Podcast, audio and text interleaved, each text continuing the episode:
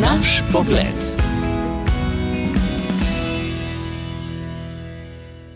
Čeprav dolgo nismo imeli svoje države, smo imeli svoj dom, kraj, kjer smo se rodili, kamor smo se vračali. In če smo odšli daleč od doma, če smo ostali brez njega, smo si ga zgradili v svojih srcih. Tudi domovino smo imeli daleč pred lastno državo. Zato ob dnevu državnosti vedno pomislim na domovino, pa ne na tisto nekdanjo, ko smo morali ponavljati za domovino s Titom naprej. Prvič sem resneje razmišljal o njej pod krošnjami hrastov sredi šumodije. Domača polja, travniki, potok v dolini, večerni ave pri svetem uhorju in tam daleč hribi.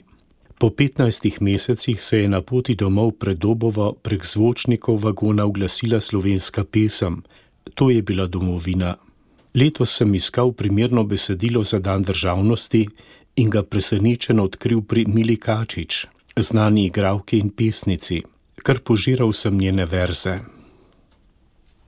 Kako redko kdaj slišiš besedo domovina, kot da je ni v slovarju kot da je nad njo anatema izrečena. Slišiš le republika. Te besede se kri drži, pravično in krivično prelita.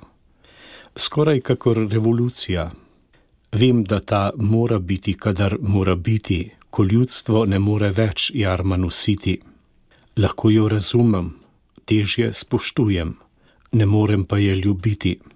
Preveč ran in strahu prinaša tudi tistim, ki niso nič krivi.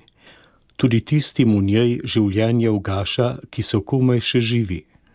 Domovina pa je dom, je zavetje in počitek za še takega izgubljenca. Je ena sama, kakor mati. Tako Mila Kačič. Lani je minilo 30 let od prvih poletnih dni 1991, ko je pomladna setev dozorela in smo dobili svojo državo, samostojno in neodvisno Slovenijo. Še vedno odzvanja ta praznik domovine ob njenem jubileju na trgu republike, nekdanjem Uršulinskem vrtu, ki se je začel z zvonjenjem v vseh ljubljanskih cerkvah. Sledil je prihod častne čete, zatem topovske salve z ljubljanskega gradu in zdravljica. Zasnova prireditve, ki je povezala domoljubje s svetovljansko širino, ni bila v ponos le organizatorjem, ampak vsem, ki jim domovina kaj pomeni. V prazničnem vzdušju je odmeval tudi spomin na osamosvojitveno vojno. Vojaško smo bili neprimerno šipkejši, vendar smo bili kot narod enotni in bili smo pogumni. Zato smo novo državo uspešno obranili, ustali smo in obstali. Za mnoge bo ostal nepozaben blagoslov lipe, ki je bila posajena ob osamosvojitvi in besede načkofa. Našim prednikom, ki so stoletja pred nami prebivali na teh tleh, si položil v srca hrepenenje po svobodi. Svobodo so živeli in storili vse, da so jo tudi ohranjali, kajti svoboda ni predmet, ki ga dobimo, svoboda je življenje, ki ga živimo.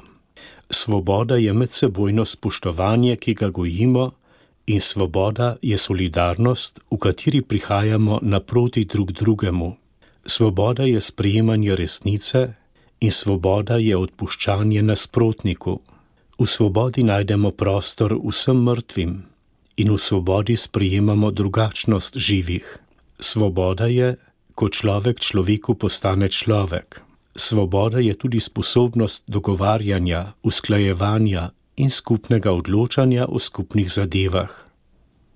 Dočakali smo svobodo, a precej drugačno od te, o kateri smo ravno kar slišali. Prišla je čez noč na tajnem kongresu z izbrisom stranke zdaj. Dobili smo gibanje Svoboda z izkušenim gospodarstvenikom na čelu.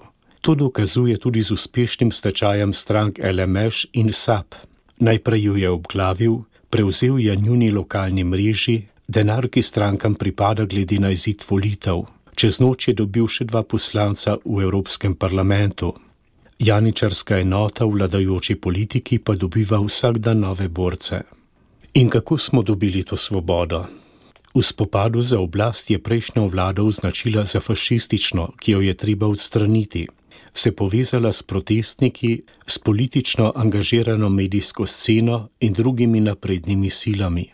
Napovedala odpravo škodljivih ukrepov prejšnje vlade, spremembo zakona o nacionalni televiziji. Naj seveda nas je veliko več.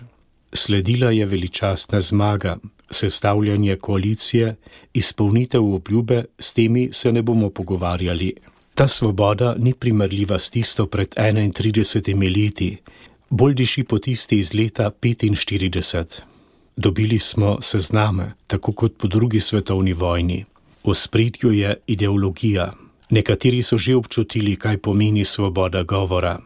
Seveda je nova oblast začela reševati tudi aktualne probleme. Lotila se je reševanja draginje, najprej pri ceni pogonskih goriv.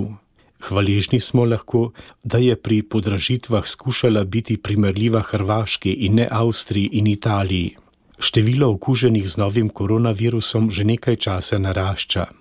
Vlada se je reševanja tega področja lotila z odstranitvijo dosedanjega direktorja Nijezeja.